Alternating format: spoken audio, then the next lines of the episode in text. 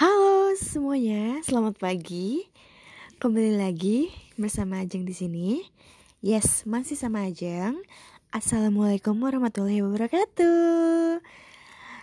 Hmm, buat yang nanya-nanya nggak DM ke aku ke mana aja sih nih podcastnya nggak mengudara sejak lama gitu ya kayak terakhir tuh kalau nggak salah itu bulan Agustus 2020 tapi sebenarnya aku di akhir 2020 tuh udah ada um, ngobrol bareng sama beberapa orang cuma belum aku publish saja dan hari ini aku punya kesempatan untuk mempublish um, dua episode Mudah-mudahan teman-teman sehat selalu dan untuk yang udah mulai traveling, nah ini dia.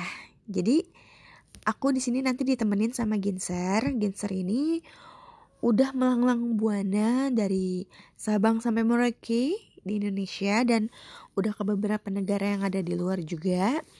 Tapi yang bikin mungkin aku dan beberapa teman yang lain tuh kepo banget ini pundi-pundinya dari mana ya kok bisa traveling sesering itu padahal kan kita biasanya juga kan kalau traveling kadang ya setahun sekali setahun dua kali tapi ini tuh hampir bisa kayak sebulan sekali gitu loh nah mau tahu ceritanya yuk kita ketemu sama Ginser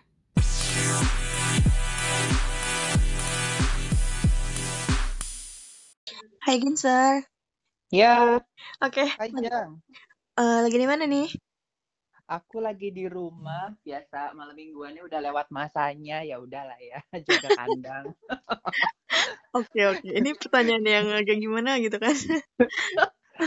ini malam minggu kan, bener kan? Gue masih inget malam ya, walaupun gue tidak menikmati malam minggu. iya bener-bener, aku juga baru tahu ini malam minggu karena tadi habis baru pulang. Kalau misalnya di rumah aja sih, mungkin suka lupa sih kalau misalnya malam minggu karena emang udah ya benar tadi emang udah bukan masanya lagi kan udah lewat ya udah uh, uh, jadi kayak udah. ya udahlah gitu yes oke okay. ketahuan umur kalau gitu ya jadi udah di sini nggak boleh ngomongin umur oke oke okay, okay. umur berat badan nggak boleh ya tabu ya. bener banget oke okay, jadi kan um, aku mau nanya-nanya nih tentang gimana sih selama ini Ginser tuh travelingnya karena kan kalau misalnya aku sendiri kan lebih banyak ya kalau misalnya yang receh-receh mah sendiri lah ya. Tapi kalau misalnya yang agak-agak uh, fancy biasanya emang waktu itu dibayarin kantor. Nah Ginser sendiri tuh gimana sih? Karena kan banyak banget nih teman-teman yang emang kepengen tahu. Karena kan kalau cuma kita ngelihat doang ih gila. Banyak duitnya ini kayak gitu kan. Ke mana-mana yes. tempat-tempat yang mahal terus yang ya tahu sendiri lah ya kayak gitu. Boleh cerita nggak? Oh ya, Jadi sebelumnya, sorry sorry, sebelumnya boleh diperkenalkan dulu deh. Ini karena kita udah kenal kali ya. Oke. Okay.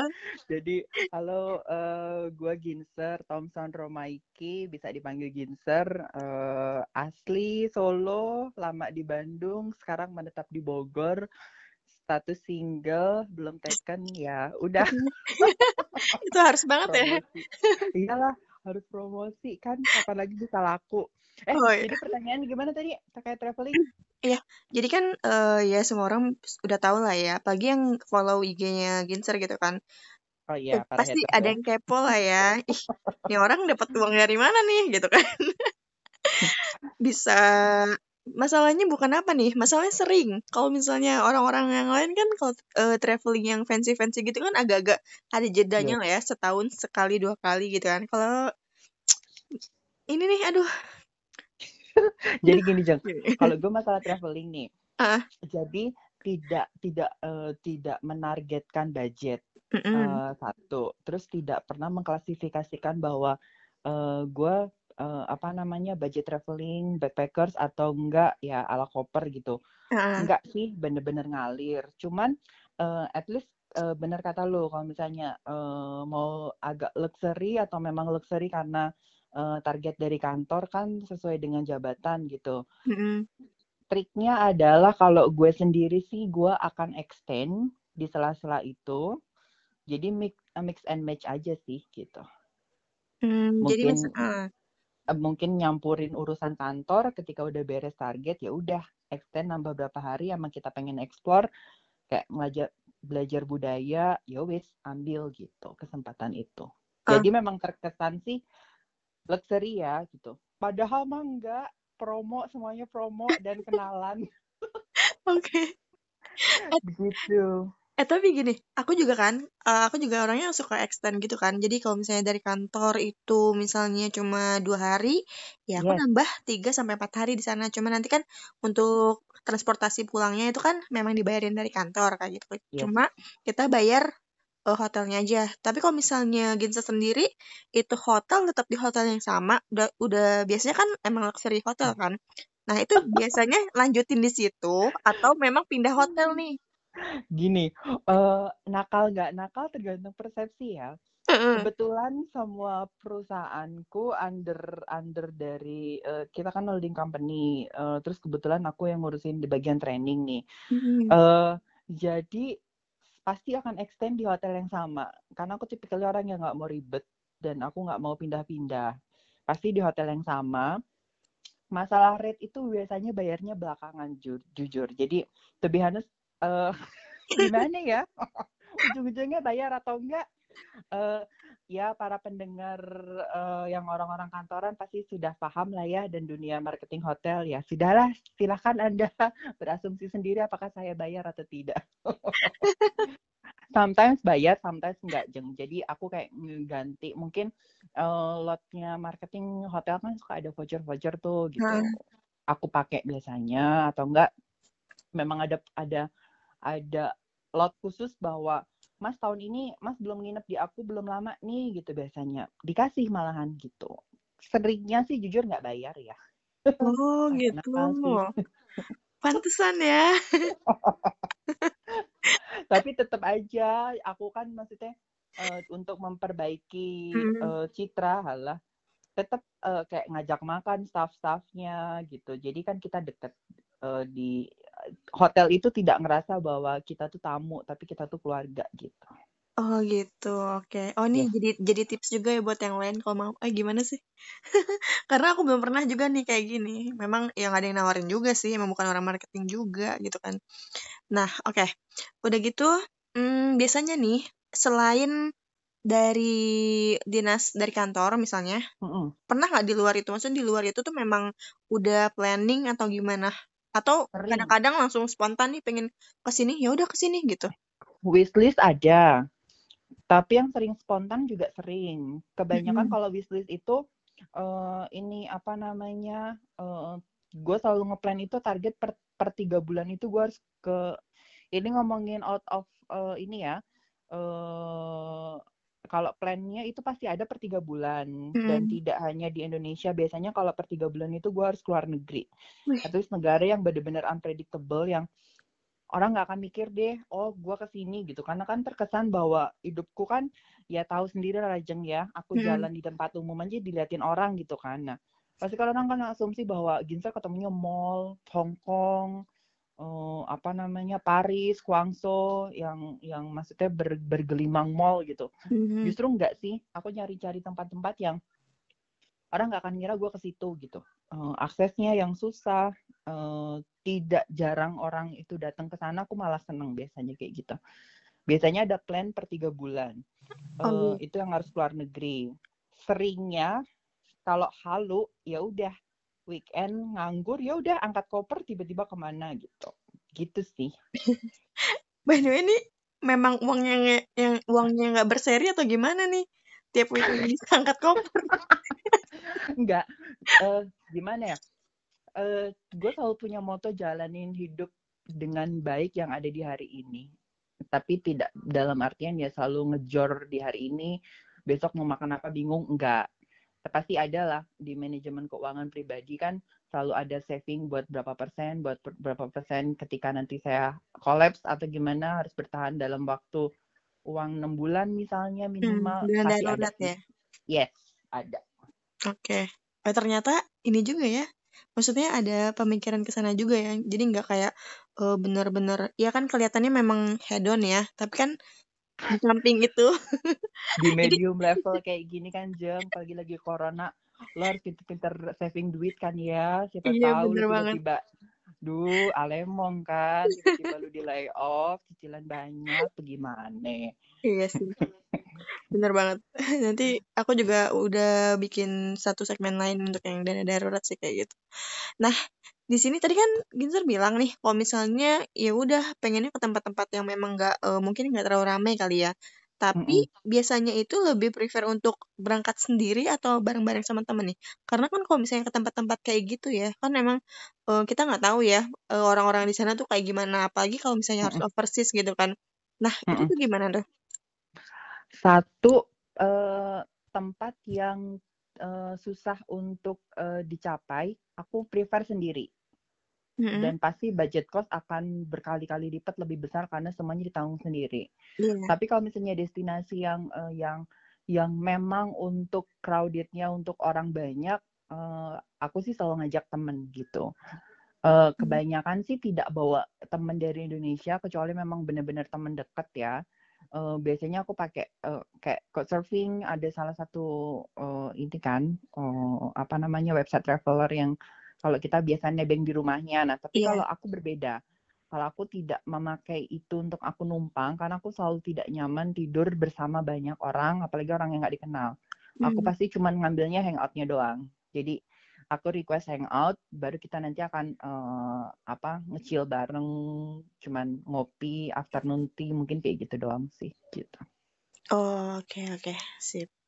Terus um, paling jauh pernah ke mana? Paling jauh uh, paling jauh paling atas itu aku ke Mongol. Hmm. kalau ke bawah Sydney. Hmm. ke kiri India ya. India. ke kanan hmm. Korea sama Jepang jauhan mana ya? Eh, Jepang. Kayaknya Jepang. Sih. tapi aku Jepang cuma di Tokyo. Karena kalau itu jujur aku nemenin pejabat salah satu BUMN uh, ada istri pejabat yang harus ditemenin. Dan gue cuma nemenin sampai Tokyo doang itu pun nggak jalan-jalan hitungannya karena datang ke salah satu bank di sana. Oke. Okay. Gitu. Keren juga ya. Aku baru tahu nih pernah sampai ke sana-sana juga. Ah, karena aku ya seperti yang saya jelaskan tadi. karena banyak yang nggak nggak nggak kayak kayak misalnya circle-nya kan sudah berbeda ya, uh. Banyak orang bermindset bahwa uh, typically gue uh, kayak influencer mungkin lo kenal Dion Mulia nggak? Uh, siapa tuh? Uh, jadi ada salah satu influencer mungkin kalian bisa cari juga. Uh-huh. Banyak orang yang nggak uh, kelakuannya Dion Mulia tuh kayak ginser kayak gitu. Uh, Sebenarnya itu bukan panutan aku juga, tapi pemikiran hidupnya dia yang simple. Uh, lo masih muda, lo punya uang ya udah lo jalan gitu. Nah itu uh, kayaknya satu ritme gitu. Hmm oke oke. Nanti coba dicari kali ya, pengen tahu juga Yes. gimana. Uh, dia tidak ber berpikir yang aneh-aneh, terserah orang mau ngomong apa, yang penting circle gue tahu gue, gue nggak akan peduli omongan orang lain. Nah, itu yang gue jalanin sekarang, kayak gitu. Oke, jadi selama ini untuk yang haters nggak pernah dianggap atau gimana? Uh, dianggap saya, saya jawab juga, alhamdulillah uh, seperti saya dikiranya nyari uang tidak halal pun ya saya terima saja. Padahal kan Anda tidak tahu ya mereka-mereka. Mm-hmm. Sudah saya jelaskan tadi, padahal kan di hotel juga dikasih ya. Bukan saya kerja tidak halal atau dapat uh, itu iPhone langsung iPhone Pro Max, iPhone boba dapat. Alhamdulillah tidak. ya begitulah para hatersku. Oh, tapi tetap saya nggak mau hatersnya uh, alhamdulillah sayang dengan itu saya memacu untuk saya pengen jalan-jalan dan saya akan pamerkan ke mereka lagi. Enggak deh, gue traveling bukan untuk pamer tapi lebih ke arah ini sih jeng. Apa? Pengen belajar budaya orang lain itu ternyata lebih berharga. Hmm, oke okay, oke. Okay. Iya sih, memang emang hal-hal baru kayak gitu juga. Ya, yes. dari uh, kita kan jadi punya ini yang lain gitu ya, kayak nggak nggak cuma di Indonesia doang kayak gitu. Kalau misalnya kita ada value tambahan kan mm -mm, ya. Bener. Nah, terus paling berkesan banget itu di negara mana atau kalau di Indonesia di mana gitu? Paling berkesan dalam artian apa nih? Eh, dalam uh, arti... Susah hidup, susah hidup, pengalaman nggak dilupakan atau gimana tuh? Soalnya ya, ada beberapa versi, Say. Nih, yang paling yang paling tidak dilupakan sama yang paling pernah nggak ngerasa kayak kan waktu itu pernah deh aku cerita kalau misalnya aku sampai pernah nangis-nangis di Singapura karena uang habis nggak punya uang oke okay, masalah uang pernah nah. nggak nah, kayak gitu masalah uang jadi baru satu tahun yang lalu, at least 2019, gue lupa bulan apa, awal sekitar Maret kalau nggak salah ya. Hmm. Jadi aku ketemu dengan someone itu yang sampai sekarang alhamdulillah masih jalan, tapi hmm. kayak in relationship-nya ya udah lah ya jalanin aja gitu karena mungkin sama-sama udah udah udah on the track-nya uh, satu uh, frekuensi lah ya. Ah, ah, satu frekuensi. Jadi ya udahlah. Jadi aku ke Manila. Hmm. Ke Manila ke Filipina, gue tidak ada plan bahwa gue pengen terbang ke Manila. At least gue cuman uh, booking hamin seminggu. Hmm. Gue iseng pakai uh, Cebu, Cebu Pacific Airlines. Hmm.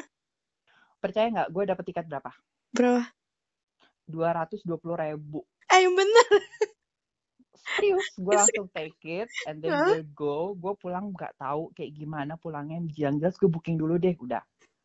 Uh, gue di sana itu gue not nothing tulus yang bener-bener out of plan gue nggak punya range gue day one day two day three gue cuman booking inget dua hotel di Manila dulu karena gue pengen ke Cebu uh. ke Cebu sama ke Boracay ceritanya gue gue tiba-tiba ngambil cuti itu sekitar tujuh harian gue nggak ada plan sama sekali eh, nah gue terbanglah ke sana dan gue tidak tahu bahwa bank di Indonesia itu di decline semua di sana Wah. Lo percuma lo kaya di Indonesia, kartu lo platinum semua, tapi lo di sana nggak bisa ngapa-ngapain. Dan seperti biasa, gue hanya bermodal uh, uang rupiah pun di dompet kan kita udah cashless ya jeng ya. Maksudnya uh, lo biasa hidup di Jakarta pasti semuanya udah cashless kan ya. Nah, iya. Yeah. Gue inget banget cuman ada 200 ribu, 200 ribu doang jeng di dompet gue inget banget. Itu yang bisa menyelamatkan gue datang ke hotel. Oke. Okay. Okay.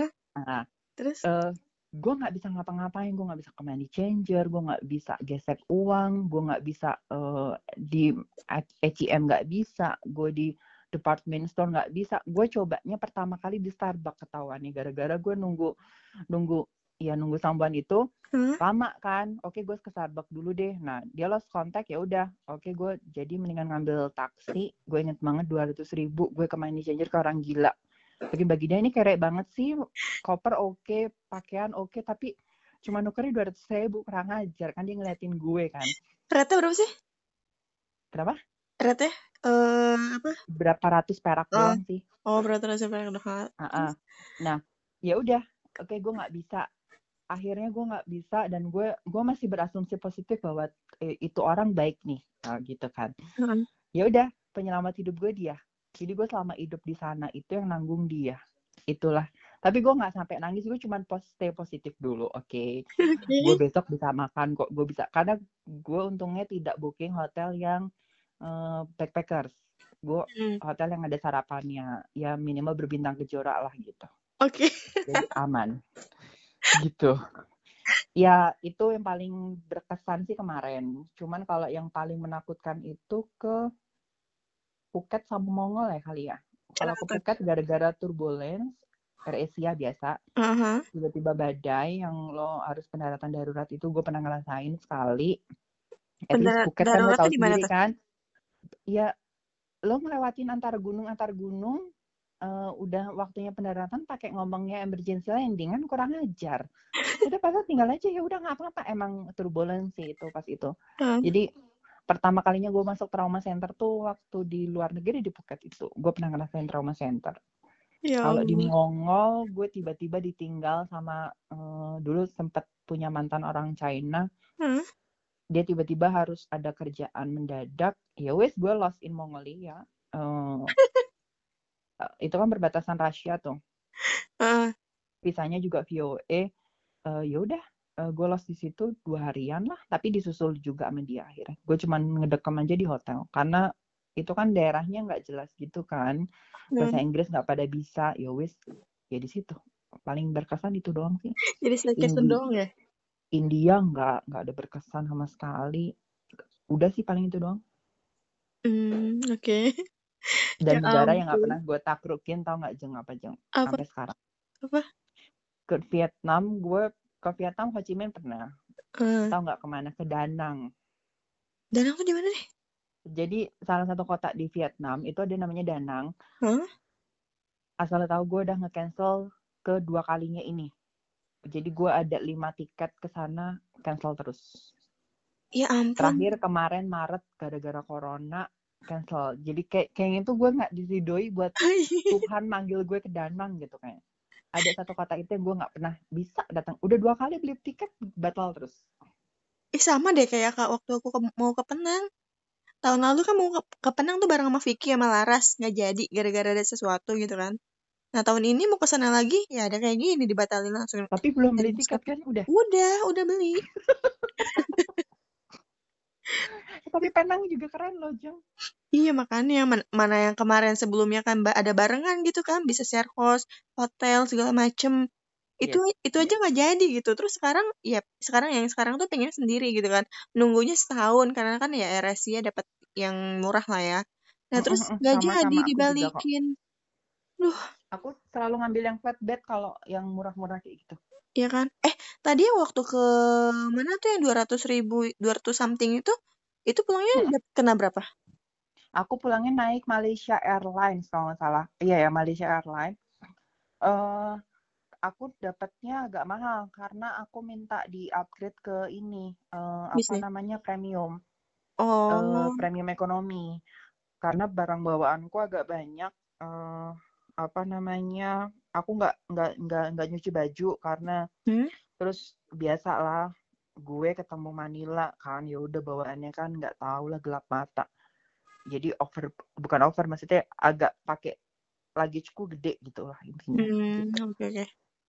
jadi biar ngirit bagasi nah buat semuanya yang mau traveling juga kalian harus compare aja dulu antara kalian ngambil ekonomi kelas yang yang budget airline atau mungkin yang uh, pesawat yang premium gitu yang kayak uh, udah free luggage gitu biasanya compare aja antara free baggage-nya atau hmm. enggak kalian beli sama yang di upgrade premium biasanya premium ekonomi itu sama dengan business class kapasitas uh, apa namanya bagasinya dan ketika lo ngambil ekonomi biasa ketika nanti lo mikir akan over bagasi itu harganya akan sama aja. Kalau menurut aku mendingan lo kayak ngambil bisnis kelas kalian tapi lo dapet kayak uh, executive lounge yang enak, hmm. tempat duduk yang lebih nyaman, makanan bisa lo refill gitu.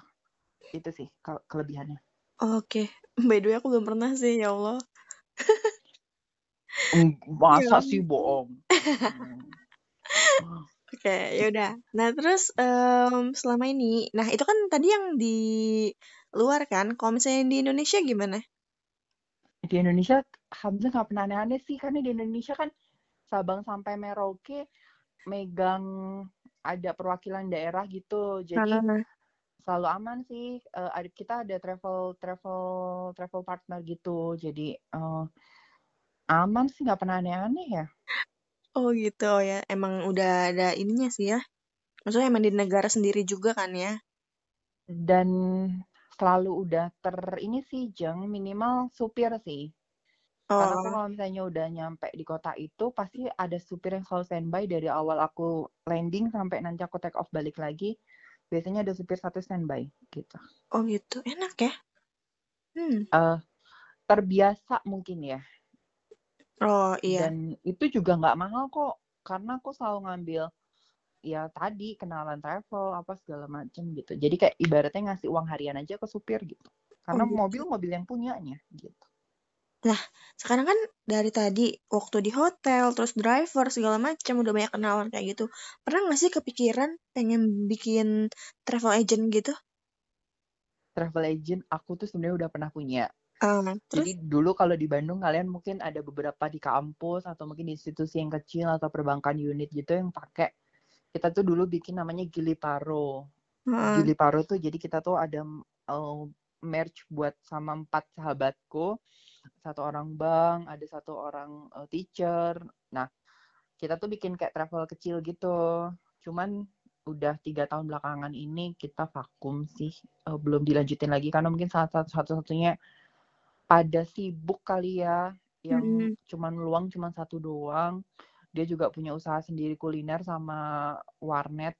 Jadi ya belum jalan lagi sih gitu. Pengen sih someday kayak ngerintis usaha lagi gitu berbadan hukum yang legal, yang gitu. legal gitu. cuman belum belum belum terlaksana lagi gitu wah berarti kita bisa collab kali ya yes ayo dengan senang hati uh, dan lebih tepatnya gue bikin usaha itu tanpa budget jadi tidak ada capital di awal, mm-hmm. nothing tulus, modalnya hanya dengan pengetahuan lo karena lo suka jalan. Ya udah, profitnya pun berbedanya dengan travel yang lain adalah gue open. Jadi gue akan ngitung budget sesuai dengan request mereka, mm-hmm. custom made. Nah kita akan sharing profit, kita akan jelaskan di awal uh, fee buat organize-nya berapa, kita jelasin di awal gitu. Makanya banyak kolega yang balik lagi ke kita gitu. Oh gitu, iya. Ya emang itu benefitnya untuk jadi kayak sharingnya tuh rata gitu lah ya. Yes. Mm -mm. Terus uh, selama pandemi ini pernah nggak jalan-jalan atau stay at home aja? aku stay at home, aku takut mati enggak nih. gue udah gak naik pesawat terakhir ke Labuan Bajo Februari karena huh? yang mau di lockdown itu loh. Mm-hmm. Aku inget banget mau di lockdown tuh sekitar hari Selasa nggak tahu apa ya atau mm-hmm. Senin. Aku pulang itu hari Minggu pokoknya Amin saat aku lockdown aku langsung nyari penerbangan sedapatnya. Gue inget banget batik air hmm? penerbangan terakhir. Uh, ya udah itu terakhir gue naik pesawat. Ke sininya gue sama sekali nggak ke mana-mana. Oh ke Tasik itu pun acara nikahan keluarga dan seperti biasa gue orangnya paling ribet sedunia kali ya. Kenapa? Gue mobil sendiri. Uh, mobil cuma hanya ada supir dan orang tua gue dua dan itu pun kita rapid test segala macam disinfektan duh ribet deh pakai face shield segala macam udah paling ribet deh mobil gue. Eh tapi alhamdulillah ya sehat ya. Alhamdulillah sih semenjak itu gue nggak keluar keluar nggak ke mana-mana. Cuman kantor sini kantor sih kantor rumah kantor rumah udah. Oh, oke. Okay. iya sih. Benar-benar. Tapi ada rencana mau uh, jalan lagi apa nih gue pengen reschedule tiket. Aku seharusnya tahun ini kan mau ke yang tadi Maret ke Vietnam itu ke Danang. Uh. sama ke New Zealand. RSI aku belum aku cancel dan belum aku reschedule. Katanya kan masih bisa di reschedule tuh uh. sampai sekarang belum aku urus sih. Mungkin akan ngurus itu sih kedua destinasi itu. Mm, okay. sama akhir tahun. Biasanya aku akhir tahun nggak tahu plannya ke mana. Tahun lalu uh, mungkin Ajeng tahu ya dari fitku aku selalu ke Lombok kan. Mm. tapi kayaknya tahun ini aku nggak akan ke Lombok deh karena kayaknya udah udah empat tahun belakangan ini kan aku selalu di Lombok Lombok Lombok. Terus dari 25 Desember biasanya sampai 2 atau 3 Januari kan.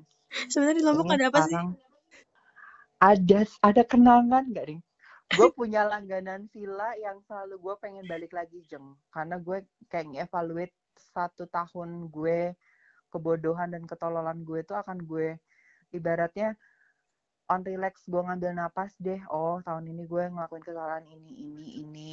Oke okay. gue mungkin belum berjodoh di tahun ini ya gitu sih. Kayak nge-flashback selama setahun. Hmm, tapi tempatnya selalu ingin di Lombok kali ya? Karena villanya enak jeng. Langsung laut gak sih? Langsung lautnya uh, jalan ke kiri 10 meter sih. Uh, karena ngadepnya gue inget banget itu ngadepnya kebun orang kayak padang gitu kayak uh, lapangan rumput hijau. Hmm. banyak sapi liar sapi kayak sapi Australia gitu. Nah sebelah kirinya baru pantai deh. Jadi lu bayangin gimana nuansa hijau di pedesaan. Dan tidak ada rumah desa di situ hanya ada villa itu saja. Oh gitu sunyi banget dong. Tapi orangnya banyak gak sih? Uh, hanya ada penjaga aja. Oh iya.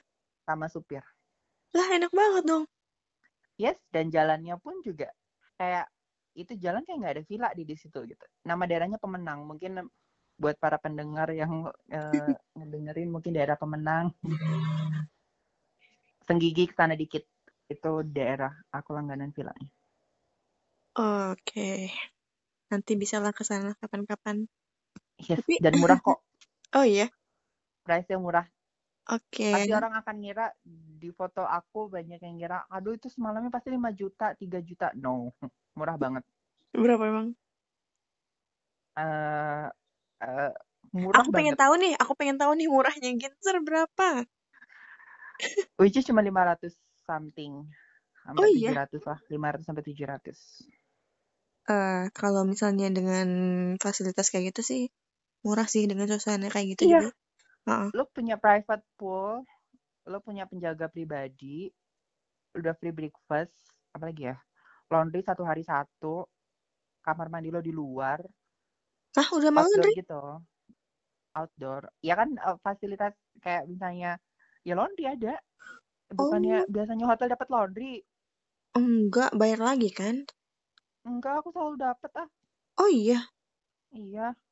Apa aku nggak tahu ya? Aku nggak pernah. Aku kan, kamu bayangin deh, aku kalau nginep hotel di five star aja nyuci sendiri. Oh, enggak sih aku laundry eh apa sih laundry kok langsung diambil laundry yus. Oh gitu. Itu. Makanya kalau keluar negeri aku selalu bawa covernya agak gede karena gue tidak nyuci gitu. Oh. Kayaknya aku yang gaptek atau gimana ya? Seriusan, Begitu. aku aku selalu nyuci sendiri, makanya kan suka di IG story tuh kok lagi abis nyuci lah, inilah itulah. Hmm, aku kayaknya nggak mungkin dapat nyuci di, di tempat orang lagi kan nyuci. Mendingan tidur. Sebelum tidur nyuci ya udah. Kayak kita Begitu. emang beda kasta apa gimana sih? Eh, enggak, kayaknya sama dia. Mungkin lu nggak nanya kali mungkin fasilitasnya apa. Karena aku jujur uh, tips memilih hotel pun juga aku agak-agak picky ya. Jadi, uh -huh. jadi satu gue akan nyari uh, segi nyaman itu balik ke orangnya. Hmm. Tapi gue lebih ke arah kasurnya dulu. Gue uh, I will uh, bener-bener inform tuh gue akan cek double check lagi by internet, hmm. lihat kamarnya, kasur kasur tuh akan terlihat bahwa itu kasurnya uh, nyaman atau namanya, enggak nyaman atau enggak bagus atau enggak uh, formnya itu berbeda atau enggak itu biasanya dari layout dari si gambar itu udah ketahuan oh itu dia pakai brand sesuatu dari dari salah satu brand gitu oke okay, gue langsung take it tanpa mikir gitu biasanya interior eksterior itu dan fasilitas penunjang menurut gue semuanya akan ada plus minusnya tapi yang paling utama adalah kasur kalau gue pribadi ya mm-hmm. gitu Hanes review kayak misalnya makanan. Gue tidak orang yang selalu suka makanan. Uh, jadi breakfastnya nggak enak apa segala macam. Justru mungkin salah satu uh, dari 10 orang mungkin hanya satu kali gue doang yang nggak pernah menikmati breakfast di hotel. Karena menurut gue nggak tahu saya enak-enaknya cita rasa makan di hotel tuh gue nggak suka. Karena gimana ya jeng ya, kayak masaknya nggak pakai hati gitu loh, tau kan? gitu sih karena mungkin dia prepare-nya dari malam gitu kali mm. sambil ngantuk-ngantuk kalau menurut gue kayak nggak ada feel gue makan enak sih gitu gue mendingan kuliner di luar gue milih akan milih hotel tuh pasti gue mikir kasurnya dulu gitu. Nah tapi yang selama Lebihnya, ini breakfast bener-bener sama sekali nggak pernah? Jarang banget kecuali kalau misalnya ada uh, eh, GM-nya mau ketemu, oke okay, udah sarapan bareng pak gitu. Atau mungkin marketingnya mau ketemu, ya udah sarapan bareng gitu. Itu pun biasanya aku cuma tea ngambil salad udah. Um, main course-nya mungkin yang ini yang spesial delight-nya mereka. Kayak mungkin di Jogja gue akan ngambil kreceknya. Di Lombok mungkin gue akan nyari nasi apanya gitu. Hmm. jadi yang spesial custom made aja yang akan aku ambil. Udah kayaknya yang kayak gini-gini udah ini banget ya. Udah expertise banget nih kayaknya. Dari enggak justru bosen kali ya jeng ya di hotel sarapan di banyak kok pasti kalian-kalian semua yang ngedengerin di sini kan pasti uh, uh, ada beberapa tipikal orang yang gue nggak mau sarapan di hotel, mendingan gue kuliner di luar. Nah, gue mungkin salah satunya kayak gitu. Lo mendingan ngajakin kayak gue ke Bandung, lo ngajakin kupat tahu pinggir jalan, gue akan lebih ngambil itu. Oh gitu? Dibandingin makan di hotel, yes. Tapi kalau misalnya, uh, ini nggak, kalau misalnya ya ya udah kalau misalnya memang nggak suka untuk breakfast di hotel ya nggak cuma ngambil room aja nggak plus breakfast itu pernah nggak pernah sih cuman itu hanya di luar negeri. Kalau di Indonesia gue tidak memikirkan itu. Eh hmm. uh, uh, apa namanya masih masuk ke budget itu um, ada breakfast atau nggak ada breakfast ya udahlah gitu. Karena bisa dipakai supir juga jeng. Aku positifnya kayak gitu. Mungkin po, semua supir gue mungkin yang mendengarkan ini kayaknya nggak tahu dengerin atau enggak dari Aceh sampai uh, Jayapura gue belum pernah datang sampai mana? ND mungkin hmm. supir gue akan selalu setia sama gue karena mungkin dia selalu memanfaatkan jatah fasilitas gue kali. Oke. Okay. yes. Sarapan mereka yang pakai gitu. Nanti mereka akan standby jam 8 tank gue harus keluar kamar. Mereka udah hafal kayak gitu gitu oh gitu. Itu drivernya berarti tiap tiap kota itu beda-beda lah ya? Iya. Hmm. uh, tiap kota misalnya di Aceh gue punya mas siapa di Padang gue punya mas siapa di Lampung gue punya pak siapa gitu. Bandung pun at least gue orang sana gue ada. Dasar. Begitu. Oke. Okay. tapi gue juga tidak menutup kemungkinan gue kayak nyewa motor gitu. Sering juga gue akan nyewa motor itu hanya di dua kota di Indonesia. Tebak mana? Nyewa motor di mm -mm. Jogja? Salah. Uh, Bandung? Salah. Jakarta Medan sama Balikpapan. Gue akan nyewa motor di situ. Medan sama Balikpapan. Oh, Balikpapan iya enak tuh buat motoran. Medan. Karena di Balikpapan kan etnisnya sorry uh, etnisnya kan banyak tuh Chinese kan oh. dan makanannya enak-enak. Uh, lebih nyaman aja kalau kita naik naik motor karena kalau kita naik mobil ya mohon maaf harganya akan berbeda juga gitu. Oh, Oke. Okay. Tapi itu juga rentalnya udah sendiri atau gimana? Orang hotel aja lu sewa. Oh, oke. Okay. Yes. Jadi tips juga mungkin yang kalian uh, nginep di hotel yang berbintang kejora atau apa, deketin aja security-nya. Dia jaga apa? Misalnya jaga pagi. Security itu akan uh, shift per 12 jam ganti. Hmm. Kita nggak mungkin kali naik motor sampai 12 jam hello dikata hello. Eh tergantung orangnya sih ya kalau gue tidak akan tahan lama-lama di luar ya udah sih sewa aja berapa jam lima puluh ribu mereka udah seneng kok gitu. Oh gitu aku yes. belum pernah jadi kayak mungkin akan diterapin deh kayak gitu. Iya mereka motor nganggur. Kita sewa aja. Atau kita juga uh, tamunya mereka gitu. Loyalty guestnya ya udah mereka pasti akan ngasih kok gitu. Ya betul nggak tahu gitu. Aku udah melakukan sejak lama. Aku kebalik papan jalan kaki. dan gak ribet dan gak ribet. Lo kan biasanya nyari sewaan motor di mana? Di internet. Iya. belum tahu itu benar apa enggak kita harus transfer dulu. Aduh ribet. Deketin security. Iya benar-benar apalagi pas ke yes. Jogja itu harus bayangin nyewa motor udah nyarinya susah harus ngasih tiga ID hmm, rem to the pong. Lo harus ngasih KTP lah apa segala macam kan? Uh -uh. Hmm. Belum nanti lo kena razia di luar kan? Harus nyerahin iya. fotokopi KTP bagaimana itu cerita? Hmm. ya makanya yes kalau gue selalu memanfaatkan apa yang ada di sekitar sih begitu bukan berarti gue oportunis ya gitu tapi ini beneran deh ini aku kayak nggak apa ya selama ini ya kita kan sering cerita-cerita sering ngobrol tapi ini bener-bener ya. kayak lebih berbobot banget sih maksudnya aku tuh yang nggak nggak pernah yang nggak pernah aku tahu jadi aku tahu nih sekarang Maksudnya? Enggak sih karena orang banyak yang haters aku jeng. Jadi uh, buat para pendengar mungkin kalau misalnya ngedengerin uh, ngelihat gue di Instagram gitu kan. Story gue itu memang gue buat sengaja buat orang-orang yang nggak suka sama gue karena mereka udah ketutup mindsetnya. Jadi mereka nggak nggak tahu bagaimana perjuangan gue di posisi sekarang. Tahu taunya cuma nyeletuk aja tuh itu Ih, itu kan kerjanya nggak halal gini-gini aduh ya sudahlah percuma juga kan kita jelaskan baik-baik ya udah jalanin aja gitu. Iya benar oke. Okay. kayak naik gunung gitu. Gue juga bisa naik gunung. Iya aku baru tahu juga itu.